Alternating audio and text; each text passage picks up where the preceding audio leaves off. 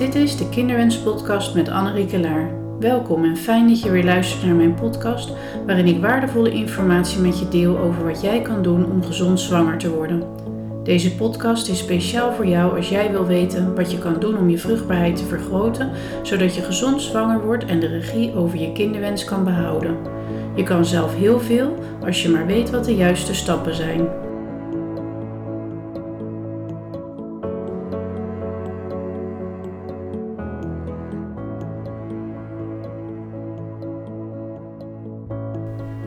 Je er weer bent en luistert naar deze podcast over voedingsintoleranties. En ik heb voor dit onderwerp gekozen omdat in de praktijk heb ik best wel vaak vrouwen die uh, eigenlijk al hartstikke goed eten, maar zich niet echt beter gaan voelen of bepaalde klachten ja, die niet verdwijnen na het veranderen van hun voeding. En dan de vraag hebben van ja, hoe komt dat nou? Ik doe toch eigenlijk allemaal hartstikke goed, maar waarom verbetert dat dan niet? of juist bepaalde klachten waarbij eigenlijk niet aan voeding gedacht wordt. Denk aan hoofdpijn in de menstruatie, in, de mens, bij de menstruatie of um, herhalende miskraam of uh, heftig bloedverlies, waar dan eigenlijk niet gedacht wordt aan voeding, terwijl dat wel de oorzaak zou kunnen zijn. Nou, het is daarbij nu ook december en um, nou, vaak laten we dan de touwtjes een beetje vervieren zo rond de feestdagen en willen we het graag in januari weer goed oppakken. En ik hoop je dan ook met deze podcast daarbij te helpen, um, zodat je ook verder kunt kijken dat als je de dingen doet um, zoals je weet dat het goed is en je knapt niet op of je gaat je niet fitter voelen, dat je dan misschien toch eens zou kunnen kijken van hé, hey, zou dat kunnen zijn omdat ik misschien toch ergens intolerant voor ben. En wat dat dan is of wat dat inhoudt. Dat ga ik je natuurlijk in deze podcast dan verder uitleggen. Nou, wat is dan een eh, voedingsintolerantie? Dat is eigenlijk als je lichaam niet meer goed in staat is om bepaalde voeding op de juiste manier te verwerken, dan kan je dus een voedingsintolerantie ontwikkelen. En het kan zijn dat het dan in het verleden eigenlijk helemaal geen probleem was, maar dat het ontstaat in de tijd vaak weet je ook uh, niet dat je een voedingsintolerantie hebt, omdat er geen duidelijke relatie is tussen de voeding die je eet en bepaalde klachten die er zijn. Want daar kan een flinke vertraging zitten. Als je heel snel klachten krijgt na, na eten he, van bepaalde voeding, dan bijvoorbeeld buikpijn of diarree of gezwollen uh, slijmvliezen, en dan, dan link je dat wel aan die voeding en dan hebben we het veel meer over een allergie er zijn zeker bepaalde klachten waar je aan kan denken bij, uh, aan een voedingsintolerantie. En die link wordt heel vaak niet gelegd. maar denk aan terugkerende hoofdpijn of huidklachten, eczeem, reumatische klachten, menstruatieklachten, menstruatiepijn bijvoorbeeld. Uh, heel snel aankomen uh, of vermoeidheid die gerelateerd zou kunnen zijn aan een reactie op voeding de trigger kan hele gezonde voeding zijn, waarvan je denkt van nou dit eet ik nu toch, dit is hartstikke belangrijk voor mijn vruchtbaarheid. Denk aan avocado of ei of broccoli. ik heb bijvoorbeeld wel een voorbeeld uit de praktijk van een mevrouw die had uh, herhalende miskramen. Ze had er al drie gehad toen ze bij mij kwam en ze had ook wel veel last van de uh, longen en luchtwegen, dus was makkelijk uh, um, ja, wat benauwd. En um, nou, toen hebben we bij haar inderdaad de darmgezondheid onderzocht, maar zeker ook de voeding. En toen kwam daar een hele sterke reactie op ei uit. En eigenlijk alleen het weglaten van dat ei gaf haar al veel meer rust in die longen, um, veel minder benauwdheidsklachten. Uh, de energie nam toe. En uh, nou, daarnaast hebben we dan die darmgezondheid hersteld. En toen kwam eigenlijk ook um, ja, de slijmvlies alles tot rust. En, en toen had ze ook wel het gevoel van, nou, ik ben wel weer klaar voor een volgende zwangerschap. En die ging goed en die voldroeg ze. Um, dus een overactief immuunsysteem op zo'n voedingsmiddel waarvan je het niet weet, kan ook maken dat er dan te weinig energie overblijft om die zwangerschap te voldragen. Dus zo kan voeding zeker ook daarbij een oorzaak zijn. De trigger is dan dus voedsel dat je lichaam op dat moment niet goed kan verwerken. En het is dus belangrijk dat je die trigger helder hebt en krijgt. Nou, wat is het verschil tussen een voedingsintolerantie of een voedingsallergie en bij welke klachten moet je aan een intolerantie denken? Uh, daar ga ik nu verder op in. Hè. Een voedselallergie weten, hè, dat is een snelle reactie, een, een heftige reactie ook. Hè. Dan krijg je, als je iets gegeten hebt, vrij direct jeuk of overgeven of hoesten of diarree. Uh, deze uh, reacties ontstaan doordat het immuunsysteem bepaalde eiwitten in die voeding ziet als indringers, uh, die niet in het lichaam thuis horen. En het reageert dan met een ontsteking en maakt antistoffen van het type IgE, dat noem je immunoglobulines. Ehm, en dat is eigenlijk ook wat je meet bij de huisarts bijvoorbeeld. Als je voeding gaat laten zoeken bij de huisarts, dan kijkt hij vaak op IgE-niveau, dus echt naar allergieën. En een voedselintolerantie heeft een veel langzamere reactie. Dat kan wel twee uur tot twee dagen duren uh, nadat je iets gegeten hebt. En de meest voorkomende klachten die er dan bij horen zijn buikpijn, uh, allerlei spijsverteringsproblemen. Denk aan opgeblazenheid, maagzuur, uh, prikkelbaar darmsyndroom, winderigheid of hoofdpijn waar je niet van weet waar die vandaan komt. Uh, of alles wat met je huid te maken heeft. Denk aan jeuk, uh, roodheid, eczeem, pukkeltjes. Uh, je huid is echt het grootste ontgiftingsorgaan dat je hebt. Dus als er stoffen in je lichaam zitten die er niet thuis horen, zal je lichaam altijd proberen om dat af te voeren. En dat kan bijvoorbeeld via de huid. Ademhalingsproblemen, denk aan astma of benauwdheid. opeens aankomen of afvallen. Um, nou, deze lijst is zeker niet compleet, maar het is een, een, voorbeeld van waar je aan zou kunnen denken dat het ook aan voeding zou kunnen liggen. Uh, en die link leggen we vaak nog niet. Als je lange tijd uh, dingen eet waar je niet goed tegen kan, dan uh, kan je andere klachten ontwikkelen. Je lijf gaat proberen dat ergens weg te zetten. En denk dan ook, ook bijvoorbeeld aan stijfheid of vermoeidheid of schildklierproblemen. Mentale klachten, denk aan depressie of concentratieproblemen. Het kan allemaal een link hebben met de voeding die je eet. Nou, er zijn eigenlijk veel meer mensen die last hebben van voedingsintolerantie, zo'n 40%, dan van een voedingsallergie. Dus een intolerantie komt relatief veel voor. Um, en het kan echt aanleiding zijn voor chronische klachten, die dan ook weer veel energie van je lijf uh, vragen. En dat blijft niet over voor je voortplantingsenergie. Want vruchtbaarheid is natuurlijk eigenlijk iets wat het lichaam als eerste kan uitschakelen of op een lager pitje kan zetten. Omdat dat niet iets is wat voor jou nodig is om te, over, eh, om uh, te overleven. En dat heeft geen prioriteit. Dus als er andere systemen zijn die heel veel aandacht vragen, bijvoorbeeld een overactief immuunsysteem, omdat, uh, omdat er voeding is die, waar, die de, het immuunsysteem triggeren, dan blijft die energie niet over voor je voortplanting.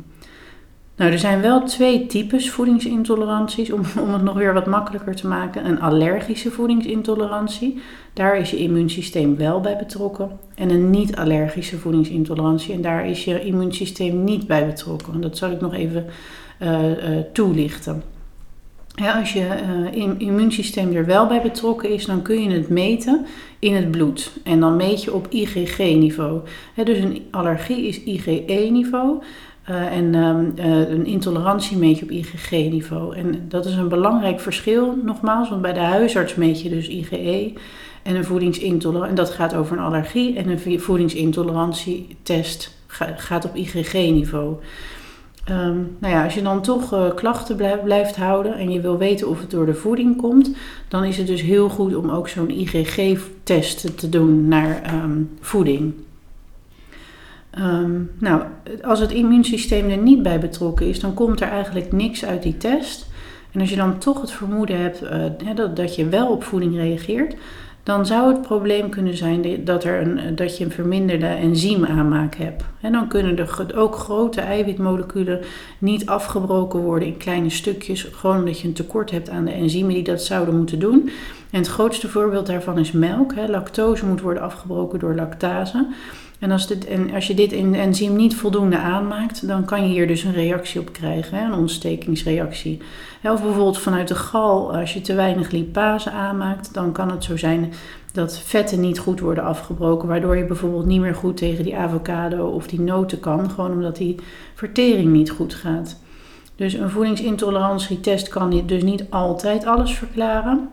Uh, dus als, als je echt zeker weet van, maar ik reageer wel op voeding, uh, en het komt niet uit zo'n IgG-test, dan zou je altijd nog kunnen kijken of het dan veel meer op die uh, enzymatische kant zit en je immuunsysteem er dus niet bij betrokken is, waardoor je het dus ook niet meet in die test. Nou, stel je hebt een reactie op voeding, wat moet je dan doen? Hè? Uh, voeding weglaten is natuurlijk uh, uh, belangrijk, maar is niet meteen alleen de oplossing. Um, het is zeker wel natuurlijk belangrijk omdat je daarmee het immuunsysteem ontlast. En dat geeft de darmwand weer rust, zodat die ook kan gaan herstellen. Uh, dus de, voeding die triggert laat je weg. En daarnaast ga je ook de oorzaak aanpakken. En vaak is het dan belangrijk om te zorgen voor een gezonde darmflora en uh, te zorgen voor een gezonde darmwand. Want als dat in orde is, dan, uh, dan heeft een voedingsintolerantie ook minder kans. Er zitten ongeveer anderhalve kilogram bacteriën in je darmen. Zowel de goede als de slechte. Maar de goede moeten natuurlijk in de meerderheid zijn. En het uitroeien van die goede bacteriën kan ook aanleiding zijn voor het ontwikkelen van voedingsintoleranties. Dus je darmflora heeft invloed op welke voedingsmiddelen je wel of niet kan verteren en verdragen. Dus dat is heel belangrijk. En bijvoorbeeld antibiotica, um, bijvoorbeeld een vijfdaagse antibiotica-kuur kan al een derde van je darmflora uitroeien, zowel de goede als de slechte. En um, nou, veel soorten herstellen zich daarna wel weer, maar niet alle bacteriën zijn daar even goed in. Dus het kan dan zijn dat je een onevenwicht in je darmflora krijgt. Hè. Zeker als je meerdere um, antibiotica-kuren hebt moeten gebruiken, bijvoorbeeld voor herhalende blaasontsteking of zo. En dan kan het zijn dat je dus een onbalans krijgt in die darmflora. En dat je dan dus daarna zo'n voedingsintolerantie uh, ontwikkelt, omdat de darmwand van een min, minder vitaal wordt en er dus te grote eiwitten de bloedbaan in kunnen. Nou, die goede darmbacteriën die zorgen er ook voor dat je darmwand gezond blijft. En die darmwand die speelt weer een belangrijke rol bij voedingsintoleranties of het ontwikkelen daarvan. Want je kunt je darmwand zien als een soort van zeef, hè, die hele kleine gaatjes heeft. En in je darmen moeten die voedingsstoffen dan worden opgenomen en naar het bloed en gaan dan pas je lichaam in. En als je darmwand geïrriteerd is geraakt, door bijvoorbeeld door bepaalde voeding die je niet meer goed verdraagt, dan kunnen die gaatjes groter worden en dan krijg je, wat je vast wel eens gehoord hebt, een lekke darm of leaky gut.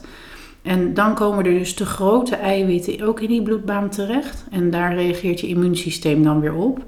En dan kom je dus in hè, de, de, de, voedingsintoleranties ook terecht. En dat kan weer verschillende klachten geven, net waar dus welke plek in jouw lichaam zit. En door je darmflora dan te herstellen en je darmwand te helen, kan je dan weer afkomen van die voedingsintoleranties. Want dat is een belangrijk verschil tussen allergie en een intolerantie. En allergie heb je vaak voor het leven, dus dat kan je dan nooit meer eten. En met een intolerantie, in principe, als je je darmflora en je darmwand weer herstelt, dan zou je het weer in meer of mindere mate moeten kunnen verdragen. Nou, het is dan natuurlijk super belangrijk om je goede darmbacteriën te voeden vanuit de voeding. Hè. Je slechte darmbacteriën minder ruimte te geven door uh, heel gezonde uh, bacteriën binnen te krijgen via de voeding. Uh, door te stoppen met het irriteren van die darmwand. En dat, dat houdt dus in dat je die trigger weghaalt. En soms heb je dus even die test nodig om die trigger helder te krijgen. Want nogmaals, het is echt soms heel moeilijk om dat zelf uit de voeding te herleiden. Um, omdat je gewoon denkt van nou dat ei is super gezond. Maar misschien net voor jou op dat moment niet, omdat je immuunsysteem daar heel heftig op moet reageren en dat dus veel energie kost. En het daarmee dus ook de darmwand prikkelt. Nou, je zou zeker ook de juiste supplementen kunnen nemen. Ik zal daar zo iets over zeggen. Uh, en ik zal zeker zo ook nog, zeggen, uh, nog iets zeggen over van als nou niets helpt, wat dan? Nou, zorg in ieder geval voor veel vezels. He, die zitten vooral in plantrijke producten. Dus denk aan groenten, noten, zaden, pitten, fruit.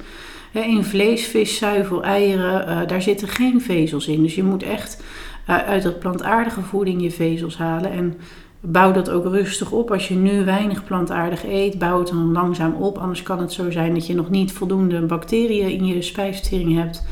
Uh, waar, die dat goed kunnen verteren, dan kan je er ook last van krijgen. Als een opgeblazen gevoel of wat ook. Je moet het wel kunnen verteren.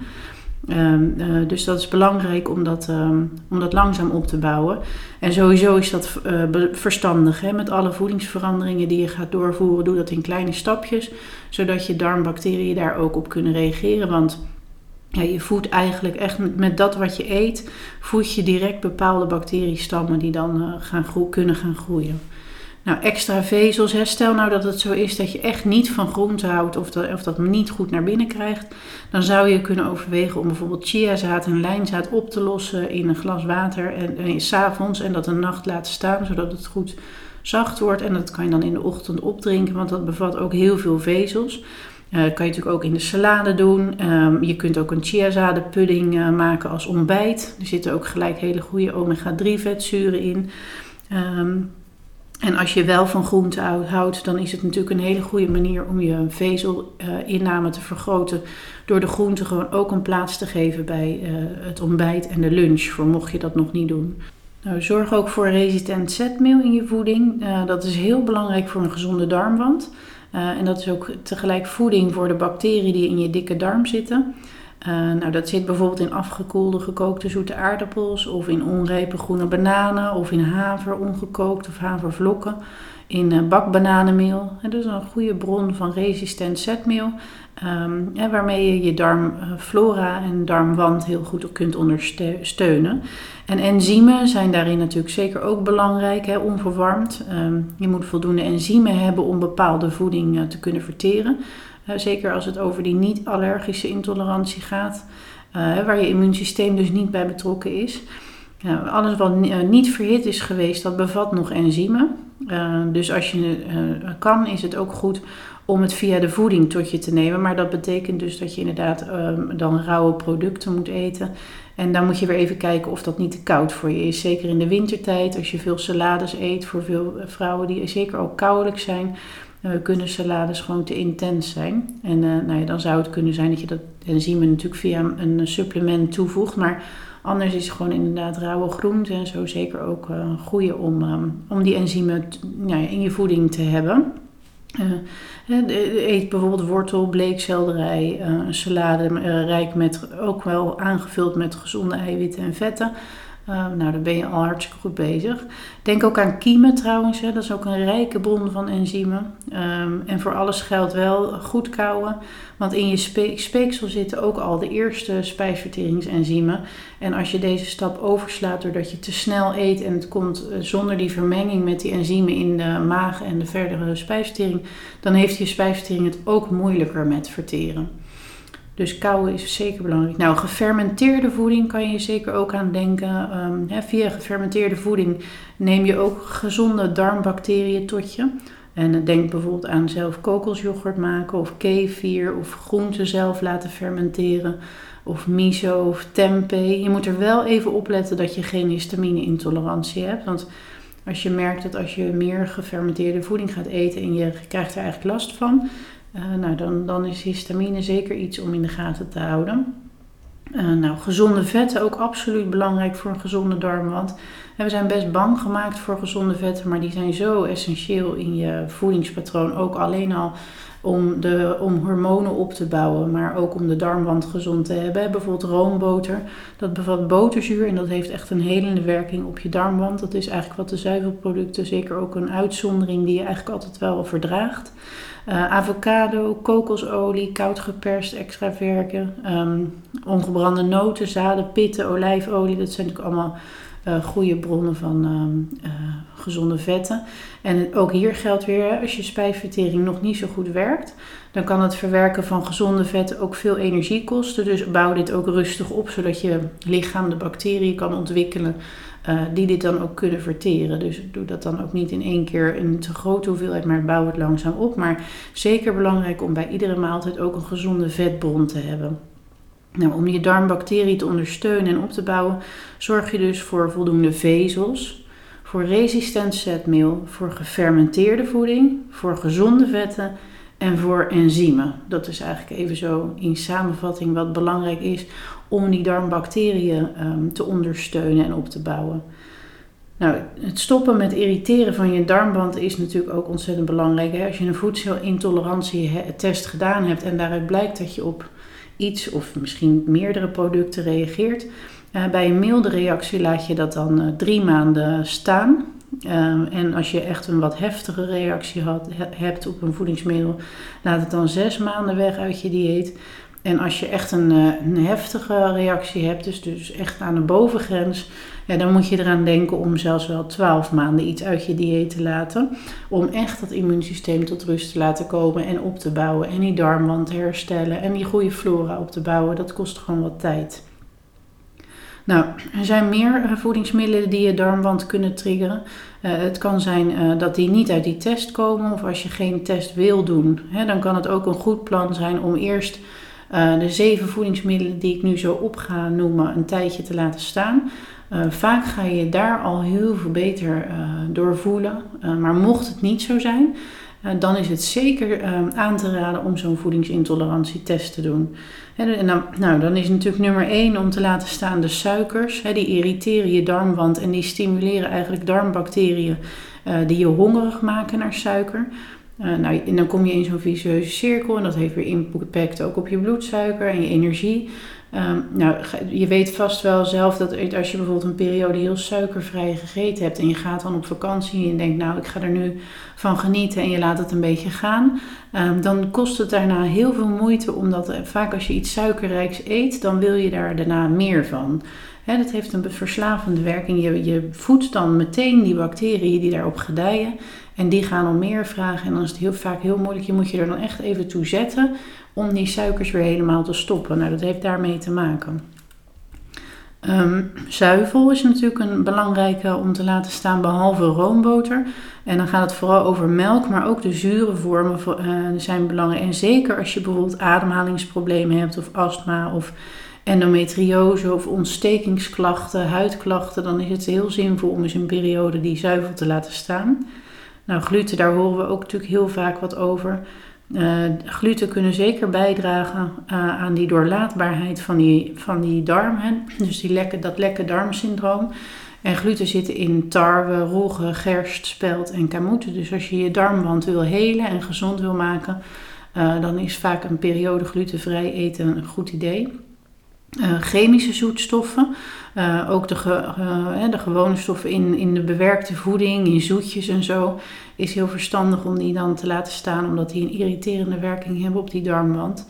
En koop vooral producten waar geen etiketten op zitten. hoe minder bewerkt, hoe beter het voor je is. Dat is eigenlijk een goede um, nou ja, leidraad.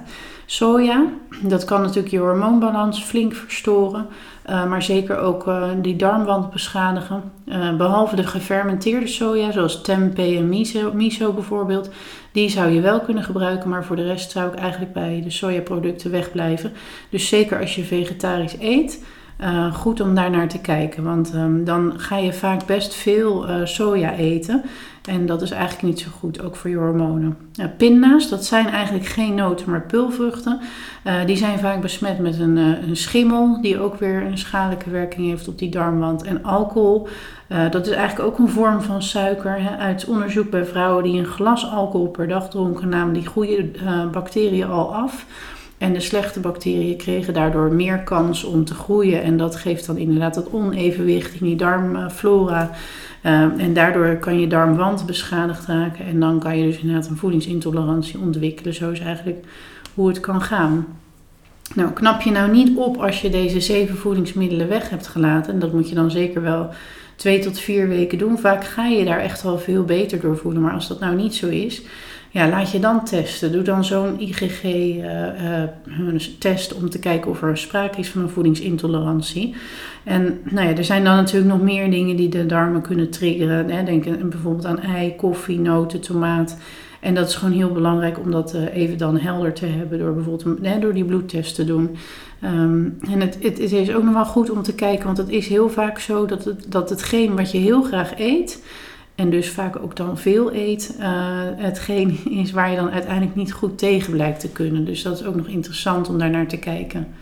Nou, qua supplementen kan je natuurlijk denken aan een probioticum. Hè? En als je een probiotica kuur uh, neemt en je voeding niet aanpast, dan is het eigenlijk dweilen met de kraan open. Dat heeft eigenlijk niet zoveel zin. Je moet dan ook wel zorgen dat die goede flora, die probiotica, ook wel gevoed wordt. Zodat ze ook kunnen gaan gedijen in je darmen. Uh, en go goedkope probiotica die die hebben vaak het nadeel dat ze maagzuur niet overleven. Dus die komen niet eens in je darmen terecht. Uh, dus als je een probiotica product zou gaan gebruiken, uh, kies er dan eentje met nou zeker 6 tot 8 bacteriestammen. met 1 miljoen bacteriestammen, bacteriën per stam. En dat dan ook maagzuurresistent is, dat is belangrijk. Uh, bottenbouillon, zeker zelf getrokken, um, hè, dat is een hele goede manier om je darmwand te helen. Uh, net als L-glutamine, uh, die heeft ook een hele mooie. Als je weet van hé, hey, maar ik heb dus inderdaad Uh, mijn darmwand is niet helemaal gezond. Dat kan je overigens ook allemaal testen hoor. Dus als je daarover twijfelt, dan is dat zeker te onderzoeken. Als je die darmwand gezonder wil maken, dan um, is, zou, is L-glutamine daar vaak een, een, een behulpzaam middel bij. Nou, als niets helpt, wat dan? Stel je hebt van alles gedaan uh, wat we net bespraken, maar je voelt je nog niet beter. Ja, dan kan het wel zo zijn dat je bijvoorbeeld last hebt van een hardnekkige darminfectie of een parasiet of een histamineonbalans of een candida-overgroei of de transiente flora. Dat zijn bacteriën die zijn wel in ons leefmilieu, maar die moeten niet in overgroei gaan. Uh, dat dat uit balans is, uh, dat je spijsvertering zwak is en wat ondersteuning nodig heeft. Uh, dat het immuunsysteem is uitgeput, dan is het goed om uh, hier verder onderzoek naar te doen.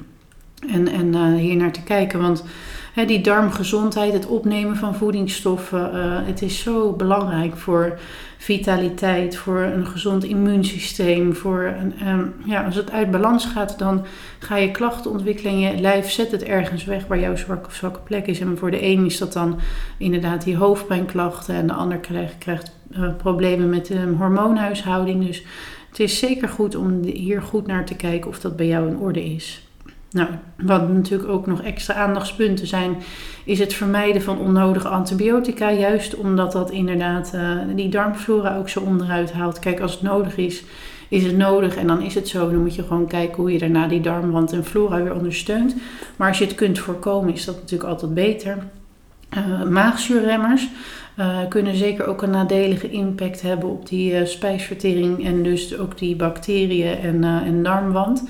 Dus probeer die ook te voorkomen, want maagzuur heeft een belangrijke functie. En als je maagzuurklachten hebt, dan is het sowieso goed om eerst eens uit te zoeken: komt dat door een maagzuur te veel of een maagzuurtekort? Uh, ik kom vaak tegen dat het eigenlijk juist door een tekort aan maagzuur komt. En als je dan ook nog maagzuurremmers gaat gebruiken, dan vergroot je eigenlijk het probleem. Nou, vermijd uh, onnodige medicijn gebruiken.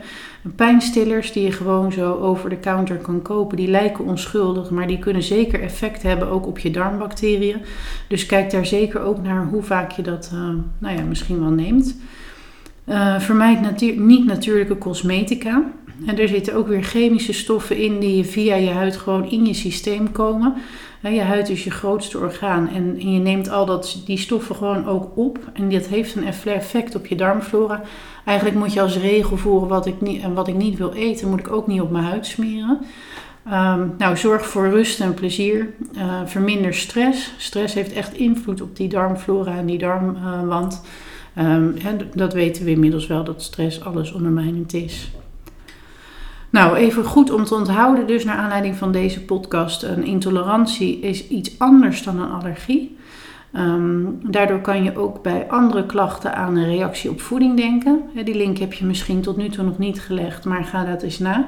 En of het zinvol is om dat op te onderzoeken. Uh, je kunt voedingsintoleranties hartstikke goed laten testen in um, een bloedtest. Uh, voedingsintoleranties zijn meestal maar tijdelijk. Hè? Dus als je daarnaast dan zorgt voor gezonde flora en een gezonde darmwand, dan kan je het op een gegeven moment, als je het een tijdje weggelaten hebt, zodat die trigger voor die darmwand weg is, uh, kan je het daarna weer gaan herintroduceren. En daar is natuurlijk wel heel belangrijk voor dat je dan je darmbacteriën en je darmwand uh, hè, opbouwt en gezond hebt. Uh, zodat, je, zodat je daarna die voeding weer kunt verdragen. Dus dat is um, nou ja, ongeveer zo uh, alles bij elkaar. De stappen die je zou kunnen doorlopen en voor jezelf zou kunnen nagaan van hey, hoe zit dat bij mij en wat kan ik daarvoor doen? Um, heel belangrijk om uh, die darmen gezond en vitaal te hebben. Nou, ik hoop dat je hier wat aan hebt en dat je ermee aan de slag kan. En um, mocht je vragen hebben, dan kun, je me zeker, kun je me die zeker stellen. Heel veel succes!